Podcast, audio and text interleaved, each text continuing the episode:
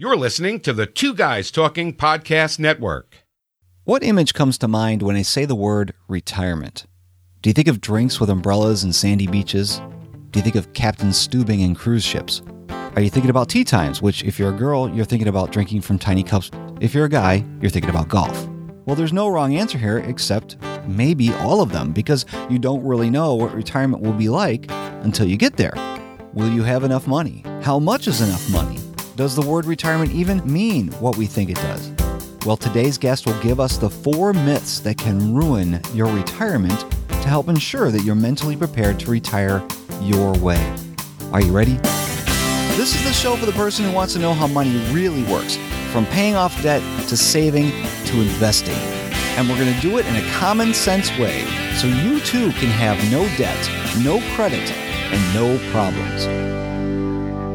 Thanks for joining me today. I'm your host, Steve Stewart, and I've got a great show for you today. We're going to talk with the retirement answer man himself, Mr. Roger Whitney, about the four myths that can ruin your retirement. We'll also talk taxes with Andy. He'll explain to us why we have to file a stupid tax return and why it's actually good for me to do so. And, well, we won't go into the rest of that. And then in the Habits of the Rich segment, I share Tom Corley's story of raising his intelligence with only five words a day. So let's get to it. Today's special guest is Roger Whitney. He's a father, a husband, he loves Oreo cookies, and he recently returned from a trip to rainy Cancun. Oh, and he's also a certified financial planner and known as the Retirement Answer Man. Welcome to the show, Roger. It is great to be here, Steve. Great to be on your new show. I'm excited. Yeah, you know, we've been wanting to get together for a while. At least Average Joe Money from Stacking Benjamins has been wanting this to happen. uh, probably more than you and I wanted to. This is going to be fun because you recently came out with an episode of your own show, which is The Retirement Answer Man, and it's called The Four Myths That Could Ruin Your Retirement. And as I looked over the four myths, I'm like, yeah, I can see where a lot of people make these mistakes. Well, on my show, The Retirement Answer Man, the entire month is about how do you answer the question, when can I retire? And I think when you when you're getting ready to answer that question, you better get rid of the things that you think you know that just ain't so. Well, let's get started. Let's do this. Let's talk about myth number 1, which is retirement is a number. I'm thinking there's two ways to look at retirement is a number. One is a certain dollar amount that you have to have saved up. The other is an age that is imposed by the government. What number are you talking about?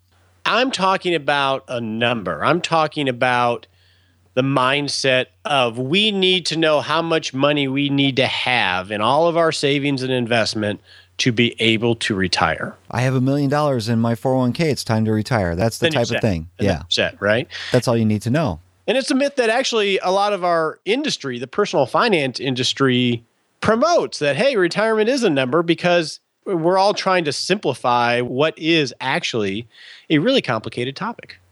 And that's the question I get asked a lot when I'm at, at doing actual planning with people is they want to know, okay, I'm 45, what number do I need to get to? 65 and a half.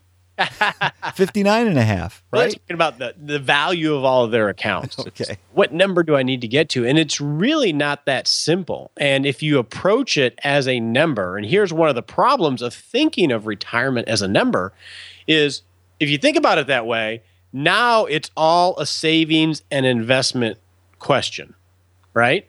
If it if your number is 2 million, now it's okay, I'm at half million, the number's 2 million. Now I have to save and invest my way to 2 million. So it really starts to take away all the control except for those two levers of saving more and investing more and hopefully getting returns. And that's a very limiting way to think about planning for retirement. So it's a pretty bad myth. When you're in the financial planning process, don't you come up with some kind of a goal? Definitely. A number? Definitely. Not a number. Not a not a pile of money number. The way I approach financial planning is it's a process that needs to be managed through a lot of little conversations rather than just simply a plan that you have and now you can check the box that you took care of it. So think about your life, Steve. You have priorities. You have some needs, wants, and wishes that you think about for your retirement, assuming you think about retirement. And I, how old are you, Steve? uh, come Not on. old enough to think about retirement yet. Okay. Well, we'll call I'll you, never, I'll never stop working. We'll call you 29. Okay. So, Steve. sure. We'll go with that. But you have needs, wants, and wishes. You know, some people would call them goals. I call them priorities. Well, even if you're 50, those are going to change a million times because as you and your wife age and your family dynamics change, your interests change, life circumstance, both good and bad, have a play on what who you are. Those priorities are going to change a million times. So what's a number because as soon as it's written down, next year you're going to be a whole new different person and have a whole different set of priorities. So it's going to change. The second is your lifestyle expenses are going to be a lot more fluid than just simply I need to spend $60,000 a year inflation adjusted for the rest of my life. People don't spend that way, but that's how you have to plan if you're trying to get to a number. And your balance sheet, how you manage your assets, how you manage your debts, not just your investments is a really important component of that. And that's a lot more fluid than just coming up with a number. So it's a lot more about how do you have the little conversations to iterate or meander your way towards retirement than it is about just coming up with some big number. Yeah. And then number 2, you kind of mentioned this, but let's go into number 2. Myth number 2 is that you'll spend a consistent amount through retirement. This is a really big one. This is very important if you're planning, especially if you're in your 50s and you're planning on what is that transition going to look like because traditional financial planning and almost every financial planner I know will say or help the client say, "Well, I need again, say 60,000 or $100,000 to maintain my lifestyle." And so what they'll do if you're going to retire at 60 is they'll just put an inflation factor on that. So you're going to spend the same amount of money every single year adjusted for inflation until you pass away and that's how planning is done. The problem is there's a, well there's a couple problems with that. One is in reality people don't spend that way. They don't spend the same amount of money when they're 65 that they're going to spend when they're 85. Research has shown us and through my 24 years of advising clients through retirement this is what I've seen is really we spend in three different phases during retirement. We have those early go go years where we're most likely in our 60s, we're healthy, our grandkids still want to be around us, we want to travel, we want to do all those things that we didn't get to do while we were working. So we're going, we're doing things, we're traveling the world and experiencing things. And a lot of for a lot of people that's why they retire so they can get to do all those things they weren't able to do. And then typically around 70 to a little to the 80s we call what it's called the slogo years. And that's when your grandchildren are in college now and they don't really want to hang out with you and they're not near as cute as they were when they're 9 or 10 and and your health is you know a little bit less than it used to be and you traveled pretty much everywhere you want to go. You settle into a routine. You're through that honeymoon of retirement of those go-go years and you start to settle into a routine and And you actually see spending go down for the most part. And that's what I've seen over and over again.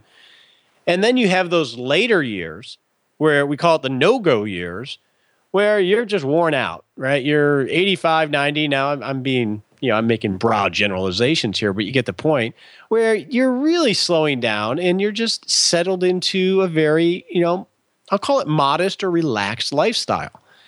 So your spending in retirement as you go through these go-go years and slow-go years and no-go years are going to have a natural cycle to them. If you plan the old-fashioned way of I spend $100,000 a year and I'll just increase that by 3% every single year until I pass.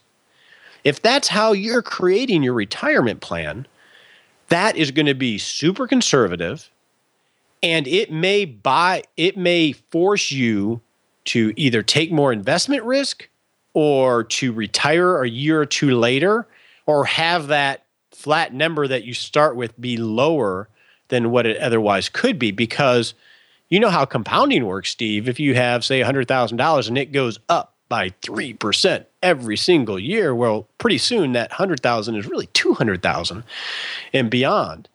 So what we do with clients and this is why this myth is so dangerous and you need to ha- not follow it is I'll give you an example. I have a client who is in his 70s now and he lived on a horse ranch. I'm down here in Fort Worth, Texas, and we like horses.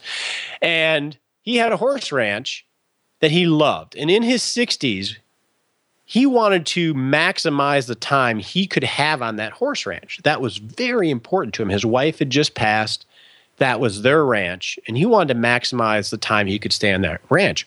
Well, in the traditional planning way, it wouldn't work. He had to sell the ranch and downsize because the numbers just would not work.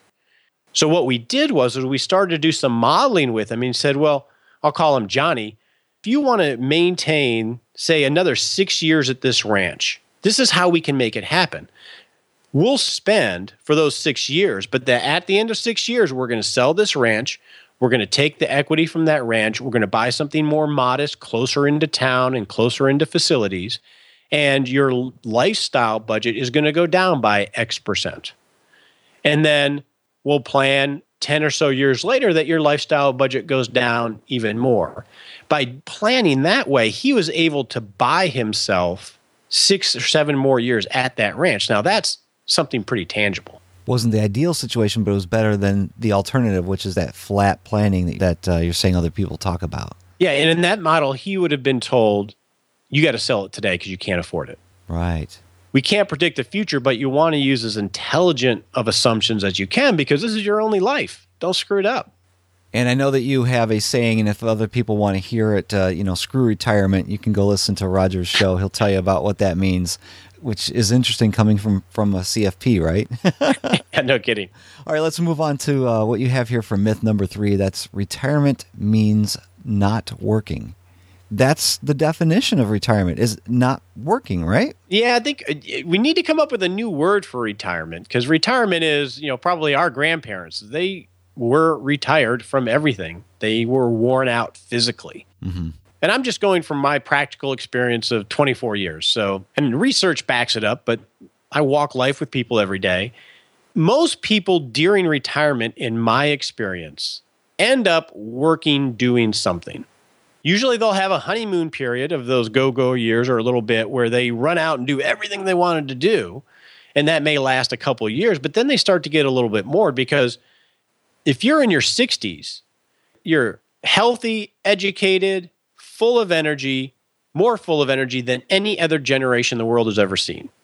You really are, you know, the 50, you know, you're like, you know, 60 is the new 40 and so on.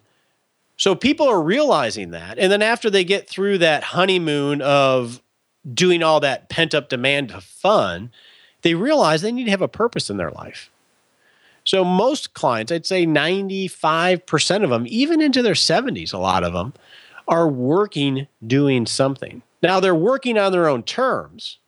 They're not pulling the 9 to 5 and killing themselves, but they're working on their own terms.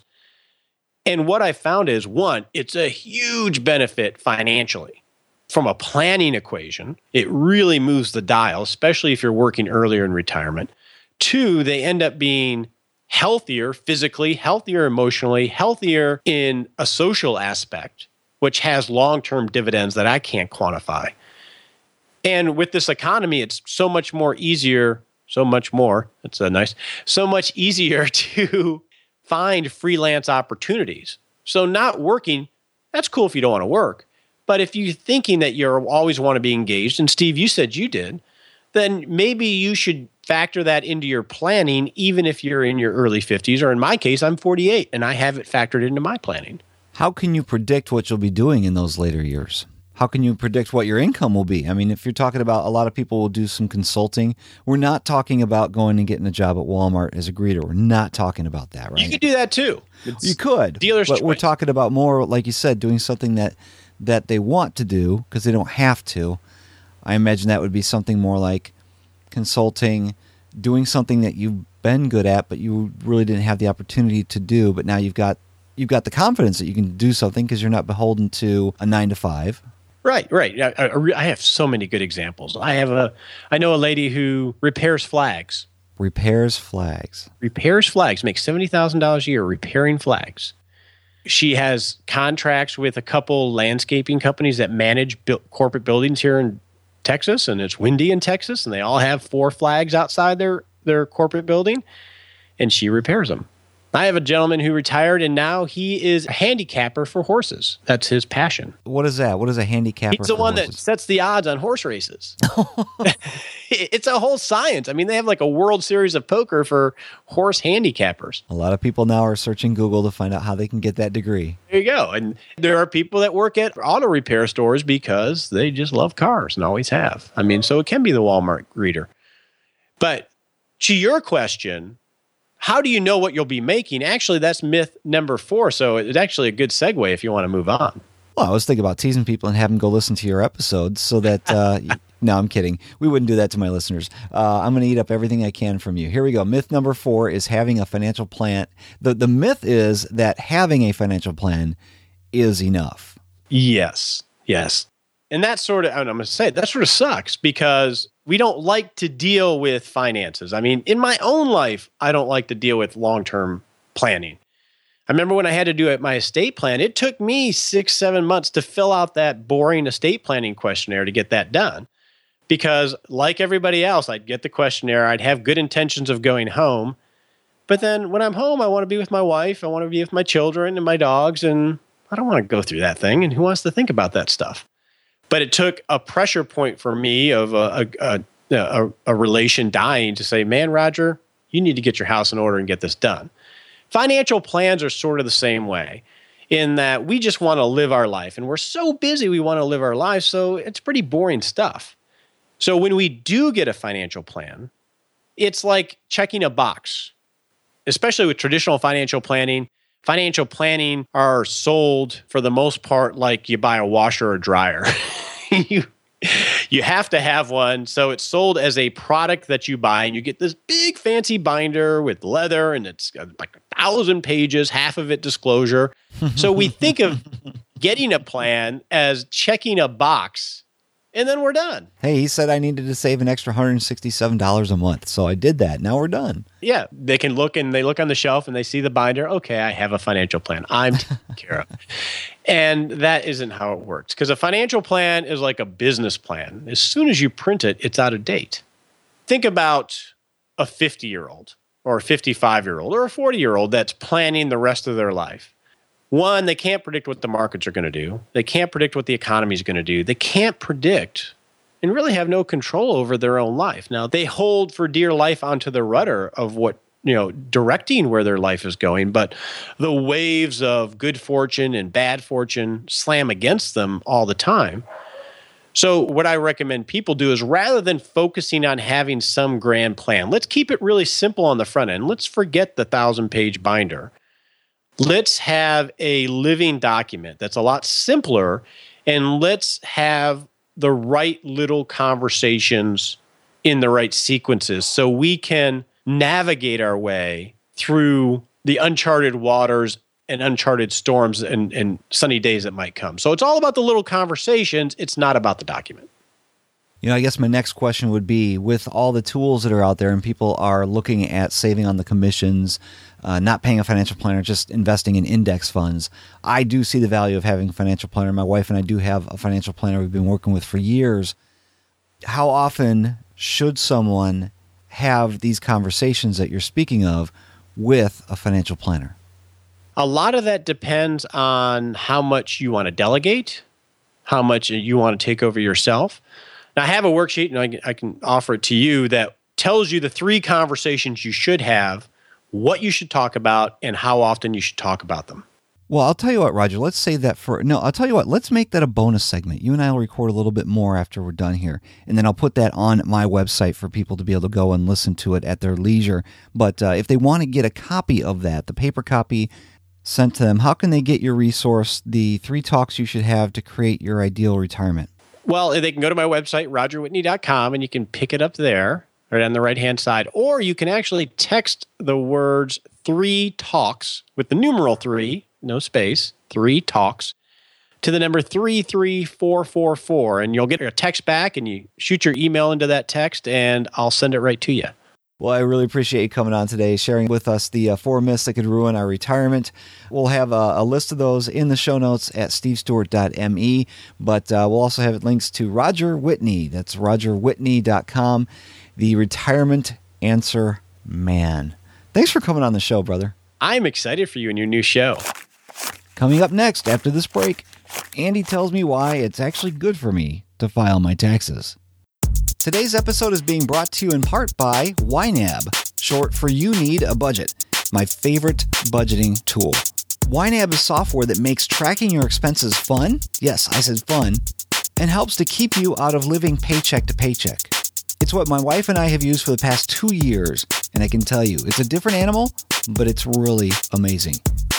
To try YNAB for yourself for free, no credit card needed, of course credit cards are never recommended here, go to stevestewart.me slash YNAB and have full access to the software on all your devices for free for 34 days.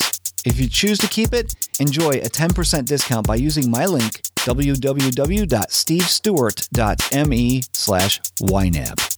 You've never budgeted like this. Are you addicted to hot sauce, spicy foods, mouth-watering barbecue, chili peppers, or buffalo wings? Well, have I got something for you. This is Scott Roberts, host of the weekly Firecast, a foodie podcast on the Two Guys Talking Podcast Network that features the best of fiery foods and barbecue. Whether you like cooking over fire or enjoy cuisine that feels like fire in your mouth, there's something in it for you. So tune into the weekly Firecast at twoguystalking.com and savor the burn. It's time for another riveting segment about income taxes with Andy Magnus. He is an ex-IRS agent and he's a regular contributor to the show. Welcome back to the show, Andy. Glad to be here, Steve. Thanks for inviting me back. Today we I want to ask you why why do we have to file income taxes? Because Yeah. Where did you know, I we're going to talk about how this all came to be at some point. We're going to talk about the history of taxes, but I want to hear, you know, why do we need to file income tax returns. For many, many years, I'll give a, a snippet of history here. We didn't have an income tax law.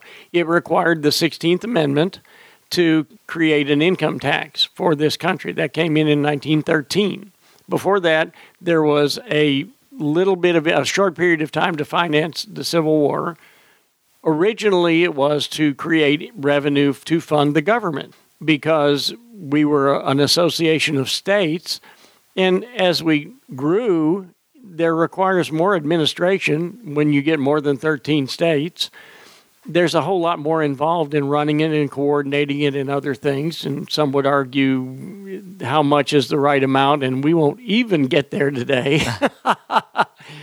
But it was it's to finance the governmental units. We have national highways, we have an army to fund, we have many things to fund that are for the good of the country that can't effectively be done on a private, you know, one-on-one state by state basis. That has changed though. How so? as you know there are many many factors that come in in passing legislation and and we won't even get into that because there's impact that you know, even you and I probably have no clue about. But there's provisions of the tax law that also affect social issues. For instance, charitable contribution deduction. They do good works. They actually take some strain off of the government because some of the charitable organizations actually do work for the greater good. So the charitable deduction was instituted as an itemized deduction to allow people to take advantage and not have to pay tax on that money. That's one. Economic is another one, Steve. Economically, we've had any number of things. Uh, we have real estate interest, real estate taxes. That encourages the purchase of real estate. It helps people. That's partially social and partially economic. It's everybody. The American dream is to own a home. So we're going to help people own a home by allowing them to deduct their mortgage interest and their real estate taxes that's going to be a good thing for the individuals, but it also is going to help the economy until it creates a bubble and, and explodes. And but that's a whole nother. Set it's already happened. It's done now. Several times, actually. so again, the Congress has come in and said we need to help people out, and we're going to do that by making tweaks in the tax law. It's become very, very complex now to really take a look at dealing with other than just merely income. And people say, well, we need to go to this kind of tax or that kind of tax or universal sales tax or a fair tax or the thing is is the current tax law if you just do away with the current tax law, it's going to affect so many things. We can't even think about all the things that it that it could impact. I mean, it it would be very difficult, if not impossible, to do that. So. Well, I think change will always be difficult, no matter what the severity and, and the size of it. But I think we can all take solace in knowing that, yeah, we've got to file a tax return, but the important thing here is that we are paying our taxes. We're, we're, we're paying according to the law, whether it's fair or unfair, it doesn't matter. You know, we're paying our taxes, which does what you said earlier. It funds the government's activities for national security, the national parks, the national road system, things like that. Correct. And those need to be funded. It would be impractical to try and do all of those consistently on a state basis. So some of those make absolute sense. They continue to try and get it better by changing the laws. Then they change the laws a little bit differently because it didn't turn out the way they thought it was going to turn out. The bottom line is filing a tax return, you want to make sure you're paying your fair share and no more. You, I would disagree with the fair share part of that discussion, but yes, I agree. We're paying our taxes and we're filing our tax return to show that we've paid in the right amount for the year or that we're going to pay up the balance or get a refund to get the balance back down to zero. That's correct. And again, we file it and we talked before about you talk about fair tax and how taxes have to be fair. Your definition of fair and my definition of fair and each of our listeners' definition of fair can be very, very different. That is a fair argument. I'll take that. Andy Magnus from Proactive Tax Pros, thanks again for coming on the show. I'm glad to be here. Thanks for inviting me back. This information is general in nature and may not apply to your specific situation because the tax law is written in words. There may be more than one interpretation of any given set of facts. Rubber baby buggy bumpers. Contact a qualified tax professional before taking any action. Up next, Habits of the Rich. And what the heck is a Rathskeller? Stay tuned. Mike from the Two Guys Talking podcast here with a note from our friends at Batteries Plus, who are providing us with some great deals on equipment for our upcoming podcast bug project, our mobile podcasting studio fashioned from a customized 1974 Volkswagen Super Beetle. Don't throw away that cordless razor just because the battery's dead. Stop in at a Batteries Plus store and have a new battery installed. Every Batteries Plus store is equipped with an on-site tech center powered by a battery expert capable of rebuilding, assembling, and installing new batteries to replace worn-out battery packs. Their battery experts can build batteries for all kinds of projects including razors, shavers, trimmers, power tools, vacuums, toys, appliances, and more. Contact your nearest battery expert at a Batteries Plus store for services, availability, and pricing. To find a store, check out their website at batteriesplus.com or call 1-800-677-8278. Batteries Plus, celebrating 20 years of quality products and services. www.batteriesplus.com. Thought about a career in voiceover? Need a great, cost-effective on-hold message for your organization or business? Don't know where to start? Check out The Voice Farm, your one-stop shop for voiceover needs. Check it out now by accessing The Voice Farm at voicefarmers.com and see what difference can be made with a company that is truly outside the box. From the Voice Box, voicefarmers.com. That's voicefarmers.com.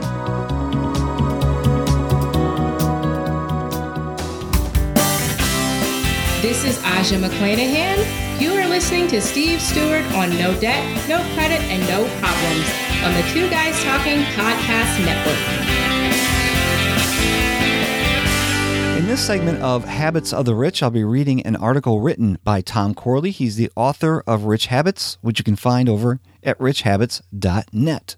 And this one is called The Words You Use Affect the Way Others Perceive You. 21 years of age and interning for Bankers Trust right across from the World Trade Center, I, Tom Corley, was finished with my workday and headed down the long series of escalators which delivered us down to the street level. There were four of these escalators, two that went down and two that went up. While on one of these escalators, I eavesdropped on a conversation that two bankers were having in front of me. To this day, I have no idea what they were talking about, but I do remember was how impressed I was They used words like Michelangelo used clay or paint. It bothered me that I didn't understand the words they were using. That summer, I decided I was going to learn 10 new words a day. So I took out the dictionary, took out a binder, got some paper and a pencil, and began writing down words I didn't know. I did this every day for about two months. As summer came to a close, I was now the proud owner of 500 new words and I started to use these words, weaving them into conversations. I remember playing pool in the Rathskeller back at college. There was a very pretty girl in the group. She knew some of the guys I regularly played pool with. We were all discussing Poland, which was in the news at the time. They were going through a revolution over there. I remember sharing my opinion with the group about this revolution. I test drove some of the new words I learned over the summer. About an hour later, as I was walking out the Raskeller, the pretty girl accompanied me up the stairs. She'd never done this before. I confess my heart was beating like a rabbit. She said to me, I didn't realize you were so smart. We came very close to dating, but I never had the ask a girl out on a date confidence to actually ask her. I'm of Irish descent, and at the time I was working on my eighth year of puberty. I still looked like a man-child and felt ugly and very awkward back then. But I kept that word binder, although I do confess that I lapsed in my devotion to learning new words. However, when I was finishing up my study on the daily habits of the rich and poor in 2008, I discovered that one of the rich habits the millionaires all seem to have was a daily devotion to learning and self-improvement. I found my old word binder, dusted it off, and renewed my study of words. It has helped me enormously in communicating my research in books and articles that I've written as well as the numerous media interviews I've had. The words we use every day create perceptions. They're like magnets drawing us to all sorts of people. Rich people had figured that out long before they became rich. The more words you know, the better your ability to communicate what you know. Words create perceptions. If you want to create the perception that you're smart, you must increase your knowledge of words and use them in conversation. Learning new words helps you grow as an individual. They increase your confidence and they transform you. That article from Tom Corley is our challenge, our Rich Habits challenge for this week. Start your word binder today. Devote just 15 minutes a day to increasing your vocabulary. And we're going to make this super easy because we're just going to learn five new words a day. You could do them all at once for 15 minutes in the morning. That's probably your best thing. And then you could practice them throughout the day. Or take five minutes during breakfast, five minutes during lunch, and then five minutes before dinner to learn a couple more words. We're just looking for five words a day. Tell you what, I want to make this fun and social as well. And I'm going to ask you to do this too. Here's how. I'm going to look up five new words a day, and then I'll come up with a sentence to use each word and share it on Twitter with the hashtag RichHabits. Here's an example.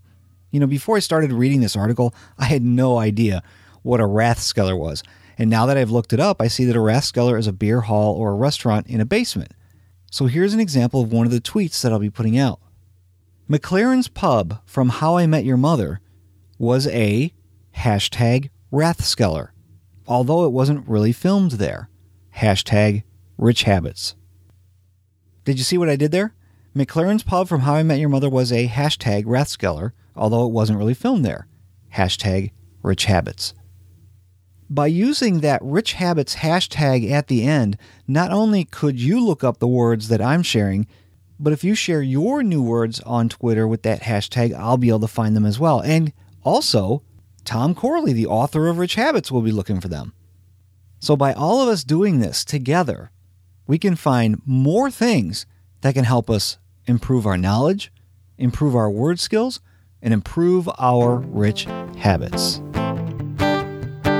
Thanks for hanging out with me today on No Debt, No Credit, No Problems. Links to everything that we talked about today can be found at stevestewart.me slash 04 I'll have links to Roger Whitney. You'll see a picture of him with an Oreo cookie on his forehead, and you'll be able to find the bonus content three talks you should have to help create your ideal retirement.